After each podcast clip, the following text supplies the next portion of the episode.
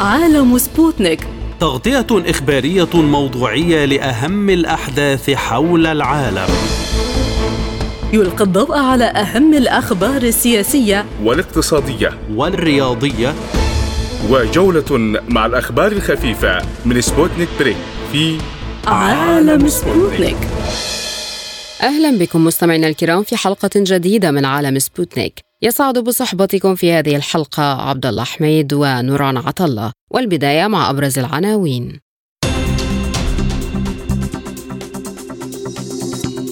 بلينكن يحذر مجلس الحرب. الوقت ينفذ أمام إسرائيل للإطاحة بحماس في غزة.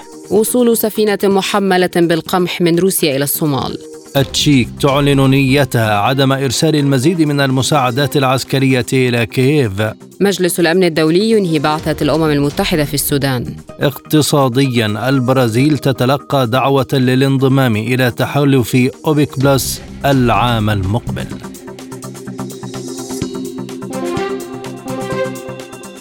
إلى التفاصيل. قال وزير الخارجية الأمريكي أنتوني بلينكن إنه قد لا يكون أمام إسرائيل أشهر للإطاحة بحركة حماس بقطاع غزة. جاء ذلك خلال اجتماعه مع مجلس كابينت الحرب الإسرائيلي وفي اجتماعات منفصلة عقدها بلينكن مع كبار المسؤولين خلال زيارته لإسرائيل وفق صحيفة تايمز أوف إسرائيل ونقلت الصحيفة عن مسؤول إسرائيلي لم تسمه أنه خلال الاجتماع أكد وزير الدفاع الإسرائيلي يوآف جالانت أن الجمهور الإسرائيلي متحد وراء هدف تفكيك حماس حتى لو استغرق الأمر أشهرا لكن بلينكن رد بأنه غير متأكد مما إذا كانت إسرائيل ستحصل على الدعم الدولي لمواصلة القتال لفترة طويلة بنفس الشدة التي شهدت قبل دخول الهدنة حيز التنفيذ قبل أسبوع. وكان بلينكن يشير إلى تصاعد الضغوط المحلية والدولية على إدارة الرئيس الأمريكي لوضع حد للقتال وفق ذات المسؤول. للمزيد من المتابعة ينضم إلينا من القاهرة دكتور رامي عاشور أستاذ العلاقات الدولية. بعد تحية دكتور رامي ما دلالة الموقف الأمريكي؟ يعني ال- ال- الموقف الأمريكي بيعكس خطورة ال- استغلال العقود الماضية من حماس في تأسيس بنية تحتية كاملة من الأنفاق اللي بيصعب القضاء عليها في فترة قليلة. وبالتالي المسألة هنا آه، ده بيعكس إن إسرائيل آه، احتمال كبير جدا إن الحرب هتستمر لفترة آه، طويلة أو على الأقل يعني فترة ممتدة إنما مش طويلة بالقدر اللي هو ممكن تجعل إسرائيل تستمر لشهور عديدة. لأن وزارة المالية الإسرائيلية خصصت للحرب على حماس 150 مليار شيكل وهم كانوا طبقا لدراسات آه، مركز الأمن القومي أو معهد الأمن القومي الإسرائيلي إن هم بيستهلكوا اليوم الواحد مليار شيكل يعني ما يوازي 269 مليون دولار. وبالتالي طبقا للميزانية اللي إسرائيل حددتها إن هي تقدر تخوض الحرب دي لمدة ثلاث شهور فقط يعني. وبالتالي هم بيحاولوا آه، إن هم يحققوا الأهداف بتاعتهم في فترة تكون أقل من ثلاث شهور. عشان كده ال- الدعم الأمريكي لإسرائيل هو موجه لهدف دعم إسرائيل في حربها على حماس آه، بهدف إن حماس آه، دي تنظيم إرهابي ومن ثم تعزيز قدرة إسرائيل في الخلاص من آه، فصيل زي فصيل حماس وده بيشكل لإسرائيل أو الرأي العام الإسرائيلي إن هم مش هيبقوا في تهديد من قطاع غزة أو في حالة تهديد من قطاع غزة فيما بعد. هل الضوء الأخضر الأمريكي لإسرائيل باستئناف الحرب يعني فشل المفاوضات التي تقودها قطر ومصر لاستئناف الهدنة؟ لا خالص ال- ال- المفاوضات اللي اللي قادتها مصر وقطر كانت بهدف مش بهدف الهدنة إنما الهدنة دي باعتبارها وسيلة لتحقيق هدف آخر. إيه هو الهدف الآخر؟ هو اللجوء للتفاوض كحل سياسي سلمي للأزمة الراهنة. لكن الهدنة آه، آه، مدتها خلصت وكان الهدنة هنا الطرف الإسرائيلي وافق عليها لسببين. السبب الأولاني إن هو بيعيد ترتيب صفوفه والسبب الثاني وهو الأخطر والأهم إن هو كان عايز يسكت الرأي العام الداخلي في إسرائيل لأن كان في مظاهرات عديدة من المجتمع الإسرائيلي بتطالبوا بتحرير الرهائن والأسرى الإسرائيليين الموجودين عند حماس بشكل فوري وبالتالي عشان بنيامين نتنياهو يحتوي الموقف في الشأن الداخلي الإسرائيلي ويسكت المعارضة. ده كان لجأ لوافق على الهدنة في سبيل استرداد أكبر عدد ممكن من الأسرى الإسرائيليين. إنما مش معنى كده إن الهدنة تعني نهاية آه، أو الانتهاء من الحرب دي طالما ما حصلش التوافق للوصول لحل سياسي. كان الحل السياسي الوحيد اللي كان ممكن يلبي طموحات إسرائيل السياسية ويخليها تقف عن الاستمرار في أي عدوان هو إعادة تشكيل السلطة في قطاع غزة بما يضمن تحييد حماس من المشهد السياسي دائما وده لم يتحقق وبالتالي إسرائيل بتستغل ده كذريعه لاستئناف القتال مرة أخرى. هل تعني تصريحات بلينكن أن واشنطن وضعت جدولا زمنيا لانتهاء الحرب بحسب ما ذكرت وسائل إعلام عبرية؟ لا يعني هو ده تصريح مناور ده تصريح مخادع الجدول الزمني مش يعني هو بس جدول تقديري ويمكن الجدول الزمني هنا أصلا من قبل بلينكن كان محطوط من وزارة المالية الإسرائيلية لكن على على الواقع لا ما عنديش الجدول ده ممكن يمتد يعني أو يقل إنما مش ثابت وده بيتوقف على مدى قدرة إسرائيل في تصفية قيادات حركة حماس اللي هم أساسا بالتأكيد مش موجودين في قطاع غزة يعني. ما تداعيات استمرار الحرب لفترة أطول كما حذرت طهران؟ دي تداعياتها هتبقى خطيرة جدا على منطقة الشرق الأوسط لأن هي هتؤدي لحالة تفجر الإقليم وتحول الوضع في غزة لحرب عصابات. وحرب العصابات هنا في في العلوم السياسية دايما بتفتح جبهات دعم بالوكالة، جبهات دعم بالوكالة يعني هيفتح أكثر من جبهة دعم من أطراف مستترة. حتى لو الأطراف دي ممكن تكون دول بس بتدعم بشكل مستتر لأن هنا الجبهات هتبقى متعددة والجبهات كلها هتصب في هدف واحد جدا اللي هو إسرائيل. وأبرز مثال على كده جبهة الحوثيين من الجنوب وعندي محتمل إن حزب الله يستمر كجبهة من الشمال والكتائب القسام في القلب أو في العمق. وبالتالي الجبهات دي هتهدد إسرائيل مش تهديد أمني بقدر ما هو تهديد اجتماعي لأن هنا هيحسس المواطنين الإسرائيليين إن هم لا ينعموا بنعمة الاستقرار الآمن وده في حد ذاته بينعكس على زيادة معدلات الهجرة العكسية من إسرائيل يعني تخطت ال 600 ألف واحد لأن ده بيشكل نوع من التوتر الداخلي الاسرائيلي الأهم والأخطر من ده كله إن ده هيعزز خسائر إسرائيل الاقتصادية اللي هي متمثلة في وقف تام لمجالات البنية التحتية والسياحة واستغلال القوى العاملة في مجال التكنولوجيا الفائقة اللي الاقتصاد الإسرائيلي بيعتمد عليها بنسبة 51% وبالتالي أنا عندي 14% من إجمالي القوى العاملة في إسرائيل بيشتغلوا في قطاع التكنولوجيا وتم تجنيدهم في الجيش الإسرائيلي عشان كده عمل حصل توقف تام للموضوع ده وبالتالي الاقتصاد الإسرائيلي هيكون هو الأكثر خسارة في حالة طول أمد الحرب دي. هل يمكن أن تفشل إسرائيل في تحقيق أهدافها من الحرب وإن فشلت ما هي التداعيات إذن؟ يعني الحقيقة إن إسرائيل يعني سيناريو الفشل في تحقيق أهدافها ده هيصب بانتهاء حكومة بنيامين نتنياهو بشكل مخزي وعدم صعود اليمين المتطرف ربما يكون مرة أخرى ويعني نقدر نقول إن إن بس من أهم التداعيات إن قطاع غزة على الأقل هيتم عمل سياسة الأرض المحروقة فيه بالكامل. وبالتالي هيشهد إن هو هيتحول لمقبرة. يعني إسرائيل هنا هتحاول تستخدم بكل ما اوتيت من قوة حتى لو في زيادة قتل المدنيين. يعني كنوع من حفظ ماء الوجه إن هي دمرت قطاع غزة بالكامل حتى لو لم تصل لقيادات حركة حماس. يعني لو قيادات حركة حماس كده كده هم بره غزة أساسا.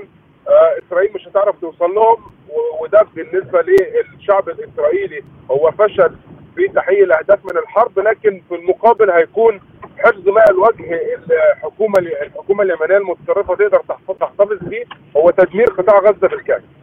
لكن ده سياسيا هيصب إن حكومة بنيامين نتنياهو ده هيبقى انتهاء يعني نهاية لتاريخ بنيامين نتنياهو ومسيرته السياسية نهاية مخزيه. هل تتصاعد الضغوط الدولية في إجبار إسرائيل على وقف الحرب؟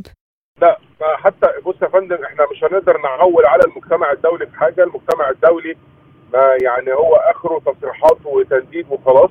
لكن الولايات إسرائيل معاها دعم من أقوى دولة في العالم ويعني يمكن الولايات المتحدة الأمريكية بتستغل قوتها وحق الفيتو في عدم صدور أي إدانات لإسرائيل. وبالتالي الضغوط الدولية هنا يعني الضغط الدولي اللي ممكن يتم ممارسته على إسرائيل هيبقى عن طريق الاتحاد الأوروبي. استمرار القتال في غزة هيزود من موجات الهجرة غير الشرعية لأوروبا وده بيهدد التركيب الديموغرافي للمجتمع الأوروبي. عشان كده أوروبا ممكن تضغط جدا على الولايات المتحدة الأمريكية إن هم يردوا لهم الجميل. أي جميل إن زي ما إحنا آه تعاوننا معاكم في دعم أوكرانيا ضد آه الطرف الروسي آه بالدعم المالي والسلاح أنتوا كمان دعمونا وحافظوا على أمننا الأوروبي من خلال الضغط على إسرائيل لوقف القتال. لكن أعتقد إن الولايات المتحدة الأمريكية من مصلحتها أيضا هي يعني إن أوروبا تفضل دايما في حالة الدفاع عن البقاء. وبالتالي الولايات المتحدة الأمريكية مش هتوقف دعمها لإسرائيل ولا حتى هتضغط عليها لوقف القتال تماما. أخيرا ما مدى واقعية الخطط الإسرائيلية بشأن إنشاء منطقة عازلة في غزة بعد الحرب؟ يعني المنطقة العازلة هنا هي بحد ذاتها هي بتضغط على مصر بطريقة غير مباشرة لأن الناس اللي هيبقوا في المنطقة العازلة مين اللي يعني هيبقوا بدون أي خدمات بدون أي مقومات وسائل لمقاومه الحياة وبالتالي المنطقة العازلة دي أنا بضغط بيها على مصر لأن هم هيضطروا ينزحوا من المنطقة العازلة اللي مش اللي ما فيهاش أي مقاومة للحياة وإن هم يلجأوا للحدود المصرية. وبالتالي أنا كإسرائيل أنا بضغط ثاني أو بطريقة غير مباشرة وبلتف بيها على تهجير الفلسطينيين من قطاع غزة لمصر. لكن الشكل هنا إن الفلسطينيين أنفسهم اللي أعلنوا رفضهم من قبل على مسلسل التهجير هم هيجبروا على التهجير من المنطقة العازله اللي هيتم حرمانهم بالعمد من أي مقاومه للحياة أو أي خدمات وبالتالي هيلجأوا للدولة الأقرب أو الحدود الأقرب وهي الحدود المصرية. وصلت سفينة تحمل 25 ألف طن من القمح كمساعدات إنسانية قادمة من روسيا الخميس الماضي إلى العاصمة الصومالية مقديشو وذكرت وكالة الأنباء الوطنية سونا إن الصومال تسلم شاحنة كانت في أمس الحاجة إليها تبلغ 25 ألف طن من القمح من روسيا لحل مشكلة تداعيات الفيضانات في البلاد مشيرا إلى أن شحنة المساعدات تم تسليمها إلى الوكالة الصومالية لإدارة الكوارث. وأشارت الوكالة إلى أن مراسم وصول السفينة لاقت ترحيبا من مختلف المسؤولين ومن بينهم وزير الداخلية الصومالي أحمد الفقي وتم تسليم الشحنة رسميا من قبل السفير الروسي في الصومال وجيبوتي ميخائيل غولفانوف كما رحبت الحكومة الصومالية بالمساعدة الروسية وأعربت عن امتنانها لدعم البلاد. تعليقا على هذا الموضوع ينضم إلينا من بيروت الخبير الاقتصادي دكتور محمد موسى. دكتور أهلا بك. في أي إطار تقرأ وصول سفينة محملة بالقمح من روسيا إلى الصومال؟ بكل بساطة بعد أن أحيي مستمعيكم الكرام لابد من الوقوف مليا عند هذه الخطوة الروسية التي تنسجم مع توجهات القيادة الروسية في تزويد الدول الفقيرة لا سيما الدول الأفريقية ضمن الشراكة الروسية الأفريقية التي تجلت بالقمة الروسية الأفريقية مؤخرا في موسكو بحضور الرئيس فلاديمير بوتين وما يفوق الخمسين دولة أفريقية وبالتالي ضمن هذا السياق أضع إرسال هذه السفينة التي تؤكد بمكان ما عمق العلاقات ما بين أفريقيا وروسيا والتي تتجدد لا بل أكثر وتتعمق. ضمن إطار ما تستهدفه موسكو من رؤيتها إلى تجديد شباب العلاقات مع الدول الأفريقية ضمن مسار تطوير هذه العلاقات على مستوى الغذاء وكانت أعلنت موسكو ضمن استراتيجيتها مؤخرا بعد ما جرى في اتفاقية الحبوب والعقوبات الغربية وتوقيفها ضمن هذا الإطار أعلنت موسكو أنها سترسل ما يقارب ال ألف طن. ليس فقط إلى الصومال إنما أيضا إلى بوركينا فاسو وأفريقيا الوسطى وزيمبابوي ومالي وأريتريا وغيرها من الدول. حتى أن وزير الزراعة في موسكو أعلن بكل بساطة أنه ما يقارب ال ألف طن ستكون قد أرسلت من الموانئ الروسية إلى الموانئ الأفريقية. ضمن هذه الدول قبل نهاية العام 23 وبالتالي نحن نتوقع مزيد من الإرسال إلى هذه الدول الفقيرة أولا لسد أزمة الغذاء ثانيا لسد فجوة الجوعة وأعود وأؤكد هي سياسة تنتهجها موسكو لكي تثبت بمكان ما أنها ليست الطرف الذي عطل اتفاقية اسطنبول لتصدير القمح والتي كانت تستهدف منه موسكو. نعم جملة أمور ولكن في مقدمتها هو التوزيع العادل لهذه الكميات خاصة إلى الدول الأفريقية التي أشرنا إليها ضمن آه، الإجابة ما الإشارات التي تحملها هذه الخطوة بعدما كان يستولي الغرب على السفن ضمن صفقة الحبوب؟ بكل بساطة آه، دعني أحييك على هذا السؤال لنرسم مسارات جديدة تعيد بمكان ما وهنا آه، هناك دور تركي وأممي ملح بعودة هذه الاتفاقية وقد أثبتت موسكو من خلال هذه الخطوة أنها ليست الطرف المعطل لمسألة تصدير الحبوب من روسيا وأوكرانيا ضمن إطار ما يعرف باتفاق البحر الأسود لتصدير الحبوب عبر اسطنبول. وفي مكان ما مدعوة الحكومة التركية إلى تفعيل اتصالاتها لما تملك من علاقات جيدة مع موسكو لعودة هذه الاتفاقية التي كانت عنوان بجملة أمور. أولها هي بمكان ما عالجت أزمة الجوعة حول العالم أزمة الغذاء حول العالم.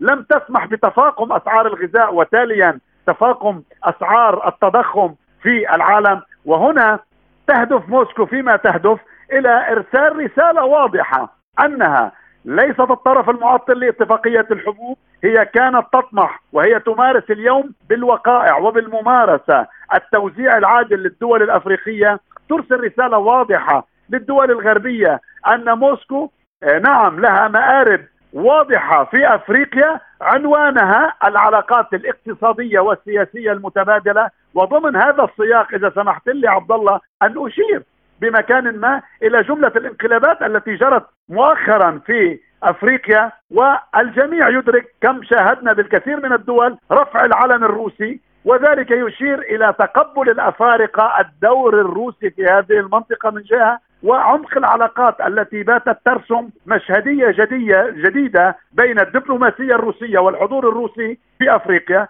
وأحد أبرز تجلياتها هذه السفن التي ترسل إلى الصومال وبوركينا فاسو وزيمبابوي ومالي وأريتريا وأفريقيا الوسطى. وهنا أيضا لنا تمني أيضا على موسكو أن ترسل أيضا إلى بعض الدول العربية التي تعاني كلبنان وسوريا وتونس وأفغانستان ومصر وليبيا وغيرها من الدول التي فعلا هي بحاجة إلى هذه الكميات من القمح أكثر مما تحتاجه الدول الغربية التي كانت بمكان ما تأخذ حصة آه، حصة الأسد كما نقول من هذه آه، الكميات التي كانت تصدر ضمن اتفاقية البحر الأسود كيف تسهم هذه الخطوة برأيك في تحقيق الأمن الغذائي للدول الأكثر فقرا؟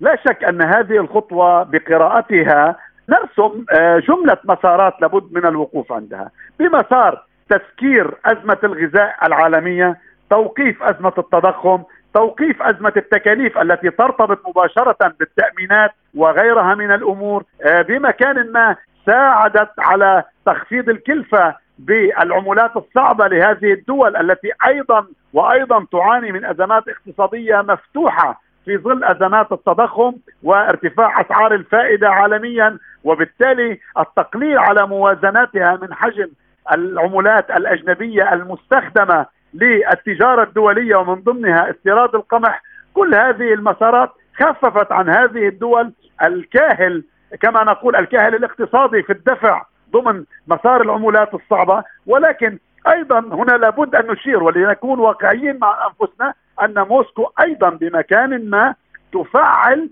لمن يريد أن يحرك اتصالاته لكي تعود اتفاقية القمح إلى سابق عهدها بمكان ما عبر توزيع عادل عبر وقف العقوبات على القطاعات الزراعية وقطاعات الأسمدة في موسكو عبر آه، فتح مجالات السويفت للمؤسسات الزراعية الروسية عبر فتح شركة التأمين وأيضا خط الأمونيا عبر أوكرانيا وهي الشروط الروسية بالمناسبة لعودة هذا الاتفاق. وأعتقد أنها بمكان ما ليست شروط تعجيزية أمام ما تحقق عودة هذه الاتفاقية من سد لازمه الجوع في العالم لسد الأزمات للعديد من الاقتصادات المتهالكة وفي مكان ما ربما تكون سد لحاجات أيضا لدول آه، كانت تصنفها موسكو بمكان ما معادية كالدول الغربية وبالتالي أعتقد ضمن وين وين ثيوري نظرية الكل رابح لابد من عودة الدبلوماسية التركية والدبلوماسية الأممية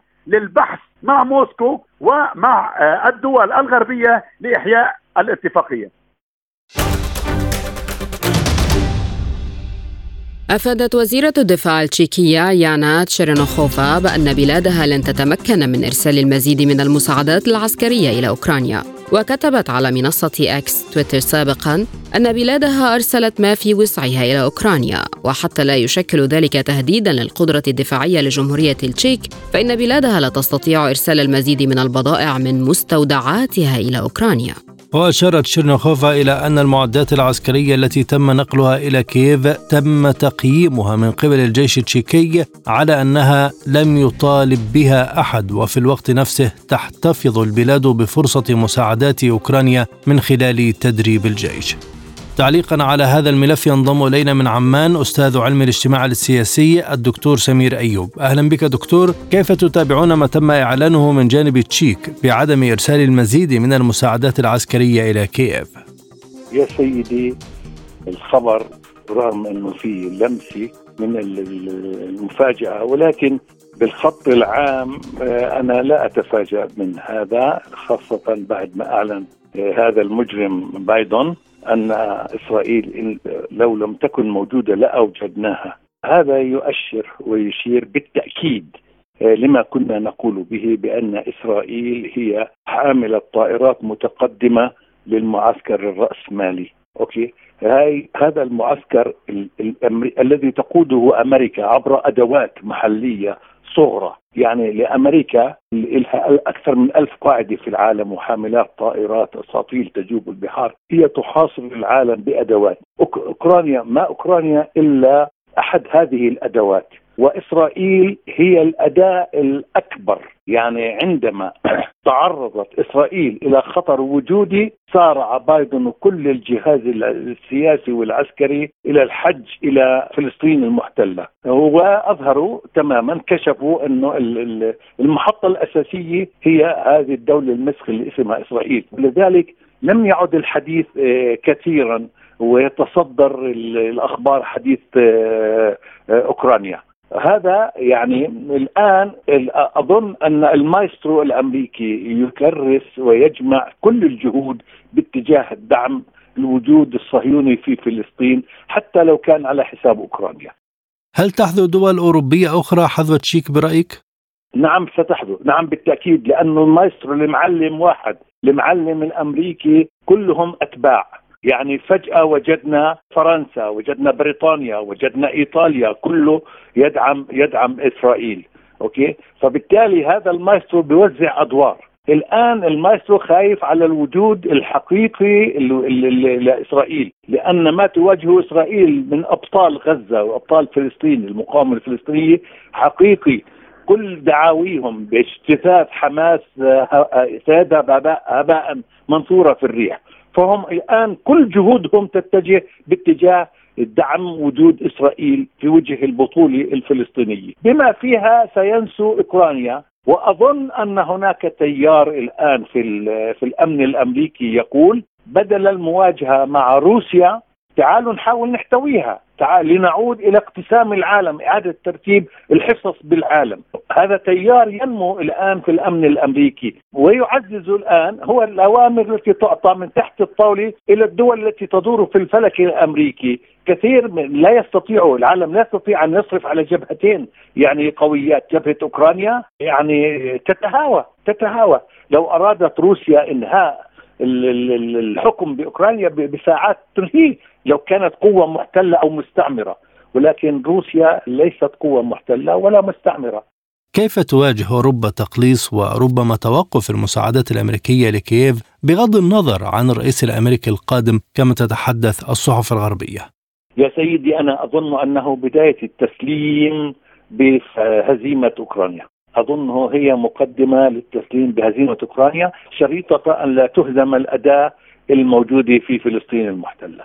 كل الجهود الأوروبية إذا كانت محطات متقدمة لأمريكا في المنطقة أوكي ستصب في مصلحة دعم وجود إسرائيل آه علما بأن الشارع في الكثير من الدول الأوروبية حتى الحكومات إسبانيا وبلجيكا الآن بداية صحوة في العالم آه حول القضية الفلسطينية والحق الفلسطيني وعدوانيه وهمجيه آه هذا الكيان المسخ اللي اسمه إسرائيل.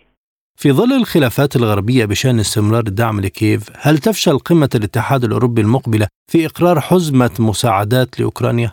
طبعا هم لن يعلنوا الفشل بعض سيغلفوه سيغلفوه بتقليص حجم المساعدات. التقليص التقليص حتى سيصبح التقليص بال بال بالدعم العسكري.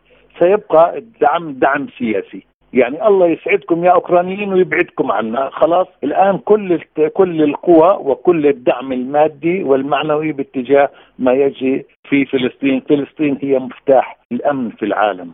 من أيام حملة نابليون على الشرق التي هزم فيها على أسوار عكا. من أيام حملة الفرنجة أيام ما اجى ريكاردوس قلب الأسد. من أيام حملة الجنرال اللمبي عندما جاء إلى القدس ورفض قبر صلاح الدين. وقال له قم يا صلاح الدين ها قد عدنا المركز الصراع في العالم يا أخي العزيز هو فلسطين. لما محمد علي خرج ابنه إبراهيم لبلاد الشام فلسطين فلسطين هي مركز الكون. سواء على صعيد الديانات أو صعيد التراث أو صعيد فلسطين الثروات الآن الثروات اللي في باطن الأرض.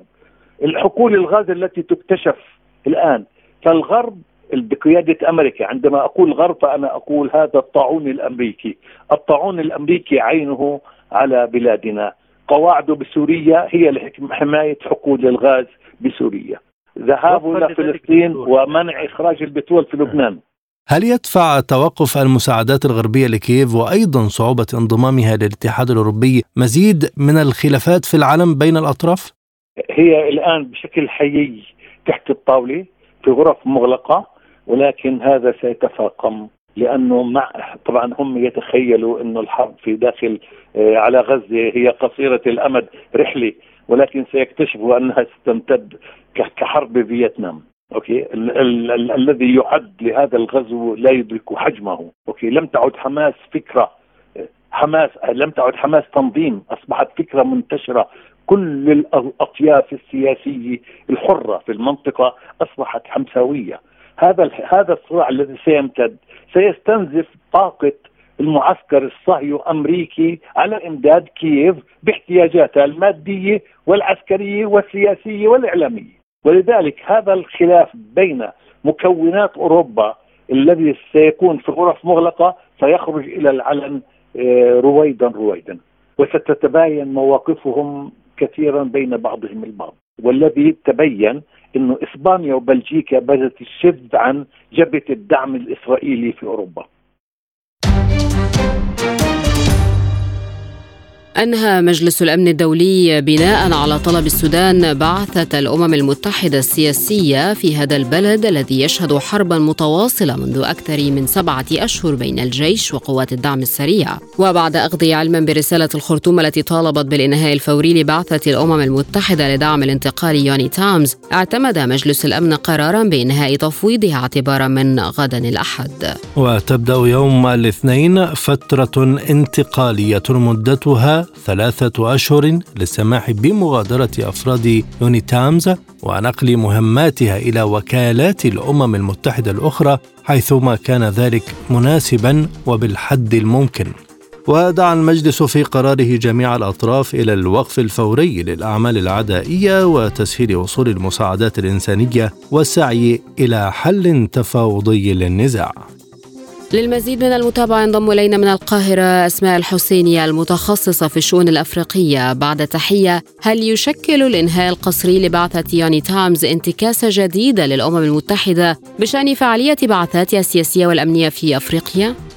يعني يعني بالطبع كان هناك يعني إخفاق للعديد من البعثات الأممية في العديد من الدول الأفريقية وكان آخرها قبل أشهر بعثة الأمم المتحدة في مالي التي يعني تم يعني سحب سحبها من مالي ولكن بالطبع يعني بعد انتقادات كبيرة وجهت إليها بشأن فشلها في مواجهة الإرهاب وفي أيضا يعني وجهت لها اتهامات بالانحياز وغيره. في السودان يعني طبعا الوضع خطير جدا والبعثة هي كانت بعثة الأمم المتحدة المتكاملة لدعم الانتقال السياسي. ويعني تم يعني استهداف هذه البعثة منذ الأيام الأولى لها كانت بموجب الفصل السادس لدعم عملية الانتقال عبر وسائل آه، سلمية وتنموية لكن تم إفشالها بسبب آه، آه، مهاجمة تيارات سياسية وخصوصا الإسلاميين من فلول النظام السابق لها عبر يعني العديد من المظاهرات عبر استهداف رئيس البعثة وتهديده ب يعني ربما القتل وتهديدات كثيرة وجهت له وهناك اتهامات وجهت للبعثة بالانحياز.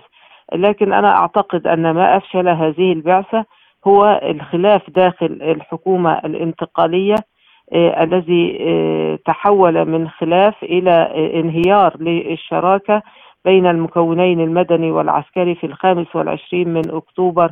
وبالتالي كانت هناك تعقيدات كبيرة حولت البعثة الأممية رغم صعوبة وتعقيدات الموقف أن تساهم في وصول إلى اتفاق إطاري في آه، أواخر عام في ديسمبر من 2021 لكن وهو الاتفاق الإطاري بين المكونات المدنية والمكونات العسكرية في السودان لكن بالطبع أيضا تم الانقلاب على هذا الوضع بالحرب نفسها التي اندلعت في الخامس عشر من أبريل من العام الحالي قبل أن يتم التوجه لتطبيق هذا الاتفاق الذي كان يمكن أن يكون مخرج للوضع المعقد والشائك في السودان. هناك قصور في آليات عمل الأمم المتحدة لكن هناك أيضا تعقيدات في السودان. ما موقف الخرطوم من إعلان المنظمة الدولية استمرار برامجها الإنسانية وبعض المبادرات السياسية بعد القرار؟ يعني آه، أعتقد أنه الموقف معقد جدا في السودان حاليا. الحرب الدائرة على أشدها التي سقط فيها أكثر من عشرة آلاف قتيل وحوالي سبعة ملايين مشردين ونازحين من هذه الحرب. آه، مناطق تصي... واسعة تسيطر عليها قوات الدعم السريع ومناطق أخرى يسيطر عليها قوات الجيش وبالتالي هو موقف معقد جدا. يفرض تعقيدات على أي عمل للمنظمات الدولية للم... للأمم المتحدة ومنظماتها المختلفة ويقلل من فاعلية هذه آه، المنظمات وقدرتها على النفاذ إلى داخل السودان ومساعدة السودانيين. وفي نفس الوقت يعني أصبح الوضع خطير جدا. لا يمكن انه يكون هناك عمل حقيقي لمنظمات الأمم المتحدة. بدون وقف حقيقي لإطلاق النار. هناك مفاوضات في جدة بين الطرفين لكن هي مفاوضات آه، تسير ببطء وليس هناك آليات فعالة من أجل الضغط على الطرفين ومن أجل أيضا آه، مراقبة آه، أي هدن أو أي محاولة ب آه، نفاذ العمل الإنساني تم الاتفاق عليها. وبالتالي الموقف خطير للغاية. وأعتقد أنه هذا الموقف المعقد آه، ربما يعني تنتج عنه تعقيدات أخرى. يعني هناك أصوات في الخرطوم تحاول تصويت تصوير أن ما جرى من سحب للبعثة وكأنه انتصار للحكومة السودانية أو للجيش السوداني لكن في واقع الأمر هو كان أمر متوقع. في ظل لأنها بعثة مدنية الآن لم يعد هناك مدنية لم يعد هناك آه، آه، ما يمكن أن تفعله هذه البعثة. وكان أمر متوقع لأنه حتى آه، رئيس هذه البعثة السيد فولكر بيرتس قدم استقالته في سبتمبر من العام الماضي بعد أن أدرك أن الطريق مسدود أمام هذه البعثة تماما. وبالطبع الخرطوم كانت قد أعلنت أنه شخص غير مرغوب فيه. وبالتالي يعني ليس هناك أمر يستحق الاحتفال أو الاحتفاء به في السودان لأنه الأمور ستظل في وضع خطير وسيظل الوضع كله على المحك وهل بعد ذلك يمكن أن تفكر القوى الدولية في إرسال بعثة أخرى إلى السودان بموجب آه، الفصل السابع وليس الفصل السادس كما كانت آه، بعثة اليونان؟ كيف ينعكس القرار على الأوضاع العسكرية على الأرض وأيضا المباحثات السياسية بين طرفي الصراع؟ نعم أعتقد إذا قارنا الوضع في السودان ب يعني في إشارة إلى مثلا على سبيل المثال إلى الوضع في مالي بعد انسحاب البعثة الأممية زادت الهجمات الإرهابية وزاد الوضع يعني سوءا على الأرض رغم أنه كان سيء لكن ازداد سوءا. أعتقد إنه في السودان هناك من كان يرى أن هذه البعثة قليلة العدد التي لا ربما أعدادها آه، بضع مئات فقط آه، ولم يكونوا كلهم موجودين في الخرطوم.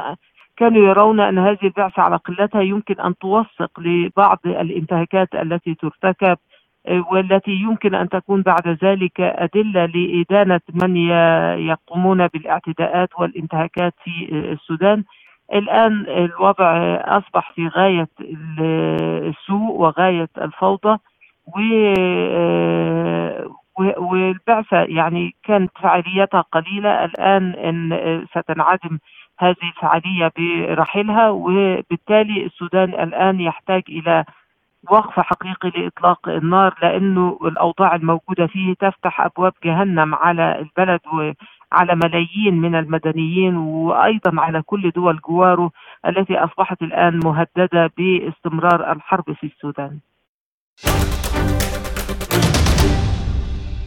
أكد وزير المناجم والطاقة البرازيلي ألكسندر سيلفيرا دي أوليفيرا أن بلاده إحدى أبرز الدول المنتجة للنفط في العالم تدرس الانضمام إلى تحالف أوبك بلس بعد تلقيها دعوة بذلك من التحالف. وأضاف على هامش اجتماع وزاري لدول تحالف أوبك بلس إن بلاده تحتاج إلى أن تدرس بالتفصيل دعوة الانضمام على رغم اعتبارها لحظة تاريخية للبرازيل. وأعرب عن أمله الانضمام إلى هذه المجموعة والعمل مع جميع الدول الثلاثة وعشرين على مدى الأشهر والأعوام المقبلة. للمزيد من المتابعة ينضم إلينا من لندن دكتور ممدوح سلامة خبير النفط العالمي. بعد تحية دكتور ما أهمية انضمام البرازيل لتحالف أوبيك بلس؟ البرازيل من الدول الرئيسية المنتجة للنفط. انضمامها إلى منظمة أوبك يقوي باع منظمة أوبك بلس ويزيد من نفوذها في العالم وفي سوق النفط العالمي بالطبع. آه الأمر المهم أن البرازيل رغم قدرتها على رفع إنتاجها هي تقول أنها قادرة على رفع إنتاجها إلى ما يزيد عن خمسة ملايين برميل في اليوم في عام 2030 آه هذا أمر مشكوك فيه. آه أقصى ما يمكن أن ترفع إنتاجها هو حوالي 500 ألف برميل في اليوم في السنوات الخمس القادمة.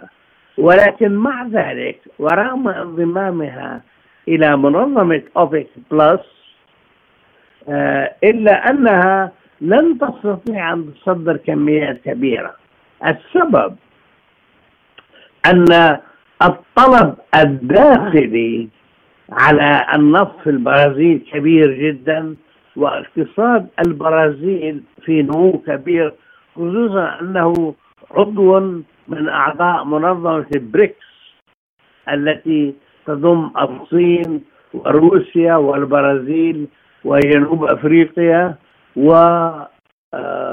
والهند فمن هذه الزاوية انضمامها كما قلت هو رمزي من حيث أنه يقوي باع منظمة أوبك ولكنه لن يرفع إمدادات النفط العالم بشكل كبير خصوصا أن إنتاجها سيستهلك داخليا بوجه بطريقة أو بأخرى كيف ينعكس ذلك إن حدث على استقرار أسواق النفط؟ الأسعار مفروض أنها سترتفع السبب أن أساسيات سوق النفط العالمي قوية والطلب العالمي على النفط قوي جدا. من هذه الزاوية أتوقع ارتفاع الأسعار ولكن أنت تعلم وأنا أعلم أن هناك جهود من جانب المضاربين وتجار النفط في العالم للضغط على على أسعار النفط وعلى سوق النفط هم يشككون في الطلب العالمي على النفط كما تقول منظمة أوبك ثم هم يسعون إلى الضغط على الأسعار حتى تنخفض لماذا؟ لأنهم يريدون أن يفيدوا الولايات المتحدة بالذات من ناحية أن الولايات المتحدة تحتاج إلى أسعار منخفضة من أجل آه، عمل اقتصادها ثم أنها تحتاج إلى أسعار منخفضة حتى تستطيع أن تعيد تعبئة الاحتياطي الاستراتيجي للنفط عندها الذي فقد أكثر من نصفه من نصف حجمه وبالتالي أنا أعتقد أن الولايات المتحدة لن تستطيع أن تعيد ملء هذه الخزانه. من ناحية انضمام البرازيل طبعا سيحقق استقرار ولكن كما قلت لن يضيف إمدادات كبيرة إلى سوق النفط العالمي لأن البرازيل ستستهلك الجزء الأعظم من إنتاجها داخل البرازيل ولكن الأسعار أعتقد سنراها تعود بقوة إلى الارتفاع. أنا في رأيي أن إعلان منظمة أوبك عن آه عن خفض طوعي من جانب بعض الاقطار كان قرارا خاطئا جدا لأنهم بعملهم هذا آه اعترفوا أن هناك ضعف ضعف في سوق النفط العالمي وفي الطلب العالمي. هذا خطأ كبير من جانبهم والدليل على ذلك أن بعد الإعلان عن ذلك انخفضت الأسعار بعدما كانت في صعود. آه، من هذه الزاوية هم أخطأوا في هذا المجال ولكن اتخذوا القرار. أنا أعتقد أن غالبيه الدول التي وافقت على على قرار طوعي بخفض الإنتاج معظمهم لن يخفض الإنتاج. والدليل على ذلك أن منظمه اوبك لم تعلن الخفض باسمها إنما قالت أن هذه الدول ستعلن الخفض من جانبها حتى تسحب المسؤولية لأنها كانت لا تريد أن تخفض ولكن السعودية ومسايرة للسعودية قرروا إجراء هذا الخفض. هذا الخفض كان خاطئا جدا في رأيي. كيف يعزز انضمام البرازيل إن تم لأوبك بلس باعتبارها أحد أكبر منتجي النفط من نفوذ التحالف عالميا؟ بالطبع بالطبع أوبك منذ عام 2020 هي الأكثر نفوذا في سوق النفط العالمي هذا معترف به هي مسؤولة عن استقرار سوق النفط وعن دعم الأسعار بما لمصلحة أعضائها ولمصلحة الاقتصاد العالمي. انضمام أوبك انضمام البرازيل. بدل ما أن تكون البرازيل منافسا لمنظمة أوبك ستعمل مع منظمة أوبك على دعم استقرار الأسعار وعلى دعم استقرار السوق. فهذا يعطي منظمة الأوبك نفوذا أكبر بكثير مما عندها وبالتالي يقوي باعها في سوق النفط العالمي ويساعدها على العمل بشكل دؤوب على استقرار الأسعار وعلى استقرار سوق النفط العالمي ومنع ذبذبة الأسعار في السوق. هل ستتم خطوة الانضمام بسلاسة أم ربما تجابه عراقيل من قبل أطراف داخلية أو خارجية ويضر ذلك بمصالحها؟ مثلا على سبيل المثال الولايات المتحدة لا ترغب في انضمام البرازيل إلى منظمة أوبك. هذه نقطة معروفة. ولكن البرازيل دولة اقتصادية عملاقة.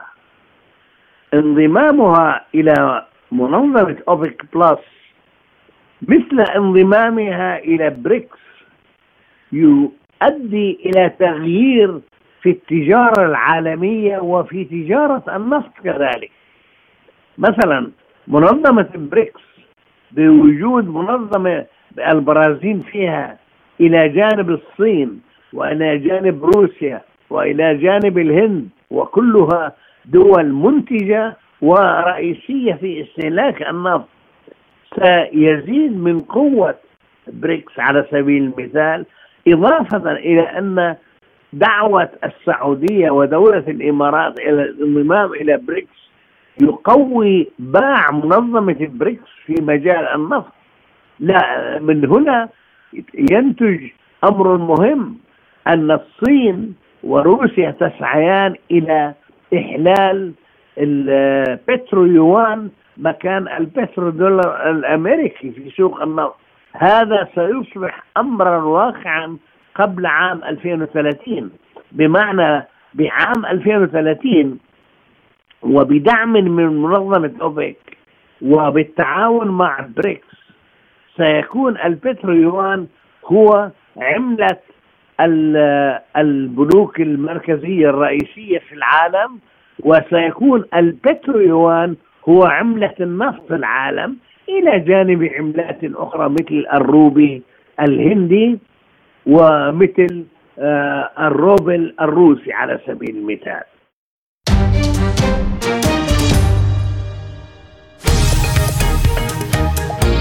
عالم سبوتنيك يغطي جميع الأحداث السياسية والاقتصادية والرياضية حول العالم. على مدار ساعة تتابعون عالم سبوتنيك مع أهم خبراء التحليل السياسي والاقتصادي. نقترب معكم في متابعة دقيقة من القضايا السياسية والاقتصادية، كما نستعرض أهم الأخبار الرياضية والفنية والبيئية.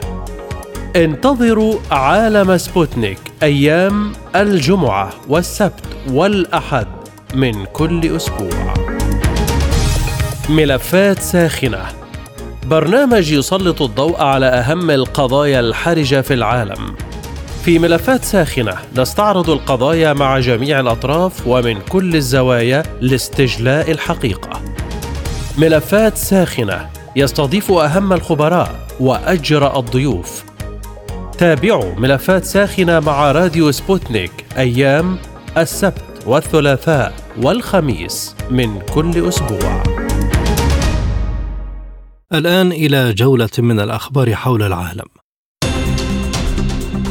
نشرت وزارة الدفاع الروسية مقطع فيديو يوثق عملية تحييد مجموعة عسكرية أوكرانية وتدمير المعدات التابعة لها في مقاطعة خيرسون. وأظهر المقطع المنشور قيام طائرة مسيرة روسية باستهداف قارب مسير في نهر دنيبر. كما عمل الجيش الروسي باستخدام الطائرات المسيرة على تحييد مجموعة عسكرية أوكرانية وتدمير المعدات التابعة لها على الضفة اليمنى للنهر. كشف مقاتل من كتيبة أيدار الأوكرانية أن موسكو تقترب من الانتصار في الصراع مع أوكرانيا. وجاءت تصريحات المقاتل يفغيني داكي خلال مقابلة مع الصحفية الأوكرانية ناتاليا ماسيشوك قال خلالها إن النصر في الصراع في أوكرانيا بات وشيكا لصالح روسيا مضيفا أنه مع كل يوم يمر تصبح, تصبح القوات الروسية أقرب وأقرب إلى النصر. وأبدى المقاتل ديكي انزعاجه الشديد من أن موسكو ليس لديها أي أوهام بشأن الصراع فهي تتحرك نحو هدفها وفق خطة محددة. أفادت وكالة الأنباء المركزية في كوريا الشمالية بأن بيونغ يانغ ستعتبر أي تدخل في تشغيل أقمارها الصناعية بمثابة إعلان حرب. وذكرت الوكالة أن بيونغ يانغ ستقضي على أقمار الاستطلاع الأمريكية ردا على أي تدخل أمريكي في الأنشطة الفضائية. أعلن وزير الدفاع الأمريكي لويد أوستن أن الولايات المتحدة ستواصل العمل مع مصر وقطر لاستعادة الهدنة بين إسرائيل وحركة حماس. وقال أوستن خلال مؤتمر صحفي إن بلاده ستواصل العمل مع إسرائيل ومصر وقطر لاستعادة الهدنة. وأضاف أن الولايات المتحدة ضغطت على إسرائيل بشأن ضرورة حماية المدنيين أثناء عمليتها العسكرية في قطاع غزة مشيرا إلى أنه يذكر وزير الدفاع الإسرائيلي أف جالنت في محادثاتهما شبه اليومية بالحاجة لحماية المدنيين.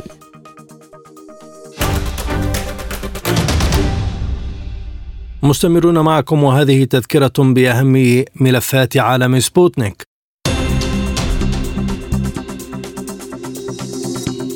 بلينكين يحذر مجلس الحرب. الوقت ينفد أمام إسرائيل للإطاحة بحماس في غزة. وصول سفينة محملة بالقمح من روسيا إلى الصومال. التشيك تعلن نيتها عدم إرسال المزيد من المساعدات العسكرية إلى كييف. مجلس الأمن الدولي ينهي بعثة الأمم المتحدة في السودان. اقتصاديا البرازيل تتلقى دعوة للانضمام إلى تحالف أوبك بلس العام المقبل.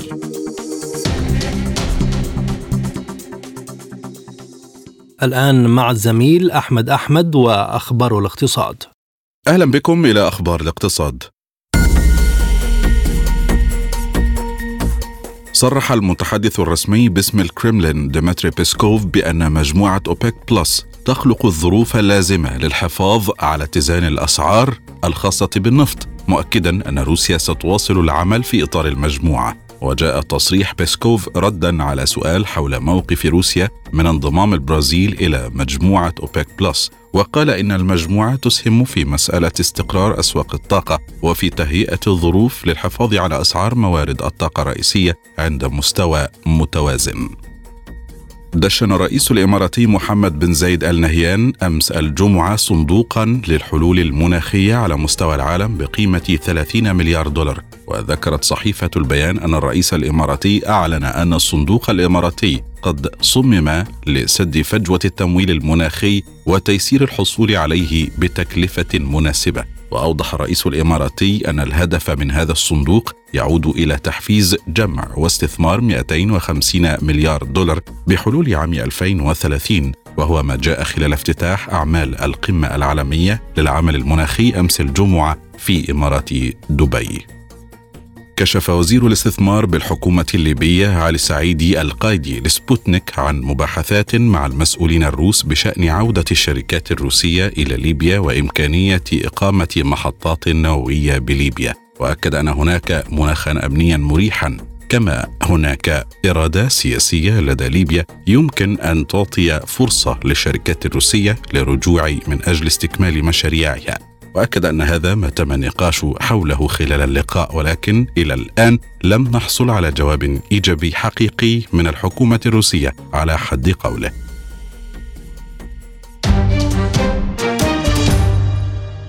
والآن مع أخبار الرياضة. حصد منتخب مالي برونزية بطولة كأس العالم للناشئين المقامة حاليا في إندونيسيا عقب فوزه بثلاثة مقابل لا شيء على الأرجنتين أمس الجمعة في مباراة تحديد المركز الثالث. سجل أهداف منتخب مالي إبراهيم ديارة في الدقيقة التاسعة ومامادو دومبيا في الدقيقة الخامسة والأربعين وحميدو ماكالوي في الدقيقة الثامنة والأربعين من عمر اللقاء. وكان المنتخب المالي خسر في الدور قبل النهائي أمام المنتخب الفرنسي بواحد لاثنين فيما خسر المنتخب الأرجنتيني في الدور قبل النهائي أمام نظيره الألماني بركلات الترجيح.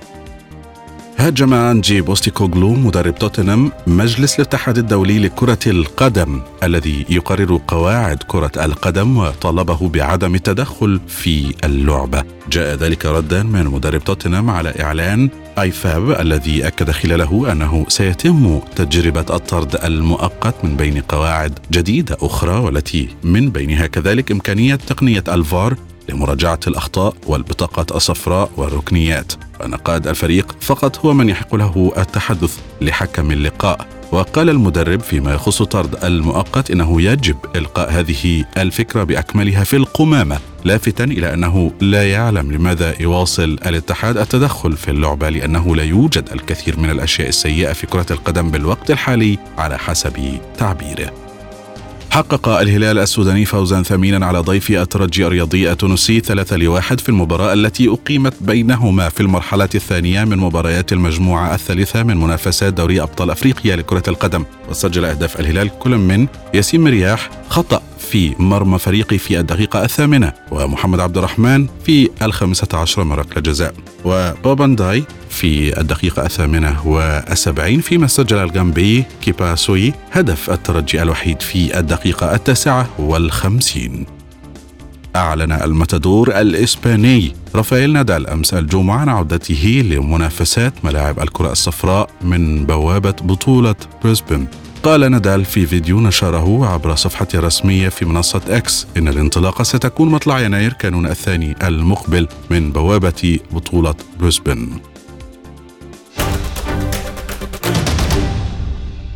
والآن مع سبوتنيك بريك.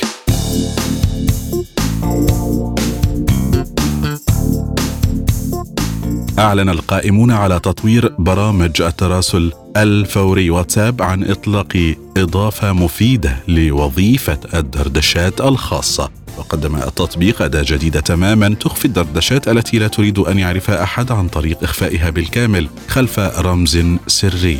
يمكن للمستخدمين أيضا إخفاء مجلد الدردشات الخاصة من القائمة العامة ولن يكون مرئيا إلا بعد إدخال الرمز السري في شريط البحث. لكن إذا كنت لا تريد إخفاء المحادثات يمكنك تركها في قائمة الدردشة العامة ولنقل محادثة جديدة إلى الفئة المغلقة ما عليك سوى الضغط عليها مع الاستمرار ولم تعد بحاجة إذن إلى فتح إعدادات الدردشة.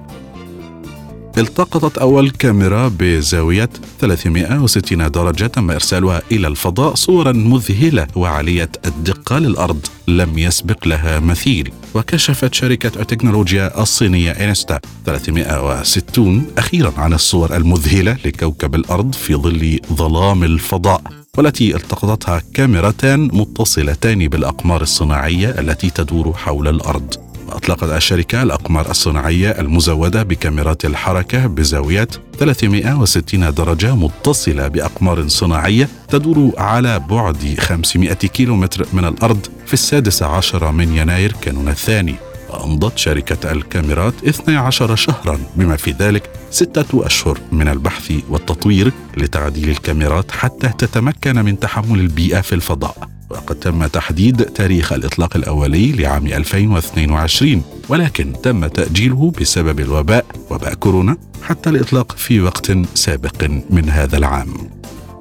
توفي رجل يبلغ من العمر 36 عاما بعد أن لكمته زوجته على أنفه لرفضه اصطحابها إلى دبي للاحتفال بعيد ميلادها. وقع الحادث في شقة الزوجين الواقعة في مجتمع سكني فاخر في منطقة بيون أمس الجمعة بحسب ما نقلت وسائل إعلام هندية. مات نيخيل خانا وهو رجل أعمال في مجال البناء كان قد تزوج من زوجته رينوكا قبل ست سنوات. وذكرت الشرطة أنه أثناء المشاجرة لكمت رينوكا نيخيل في وجهه وكان تأثير اللكمة قويا للغاية لدرجة أن أنف نيخيل وبعض أسنانه كسرت على الفور فقد وعيه على إثرها ومات بسبب نزيف حاد. اكتشف علماء الفلك نهرا مذهلا من النجوم يتدفق عبر الفضاء بين المجرات في مجموعة من المجرات المتصلة على بعد حوالي 300 مليون سنة ضوئية. وتعرف هذه الجسور بالتيارات النجمية حيث يبلغ الطول 1.7 مليون سنة ضوئية. ويعد تيار الغيبوبة العملاق. هذا المسمى حديثا هو الأطول الذي تمت رؤيته على الإطلاق. واكد العلماء أن هذا الاكتشاف مفاجأة كبيرة في مثل هذه البيئة الديناميكيه والمعقدة من حيث الجاذبية كعنقود المجرات حيث يمكن استخدام هذا الاكتشاف لدراسة مجموعات المجرات بمزيد من التفصيل والمادة المظلمة الغامضة الموجودة فيها. وقال عالم الفيزياء الفلكية الرصدي خافير رومان من جامعة كروتينغم في هولندا وجامعة لا لاغونا في إسبانيا لقد عبر هذا التيار العملاق طريقنا. بالصدفة.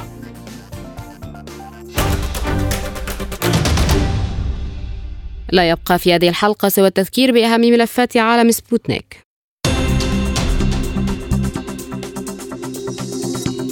بلينكن يحذر مجلس الحرب. الوقت ينفد أمام إسرائيل للإطاحة بحماس في غزة. وصول سفينة محملة بالقمح من روسيا إلى الصومال. التشيك تعلن نيتها عدم إرسال المزيد من المساعدات العسكرية إلى كييف. مجلس الأمن الدولي ينهي بعثة الأمم المتحدة في السودان. اقتصاديا البرازيل تتلقى دعوة للانضمام إلى تحالف أوبك بلس العام المقبل. رياضيا مالي تتوج بالمركز الثالث في بطولة كأس العالم تحت 17 عاما لكرة القدم بعد فوزها على الأرجنتين بثلاثة أهداف نظيفة. للمزيد زوروا موقعنا سبوتنيك dot AE. إلى اللقاء.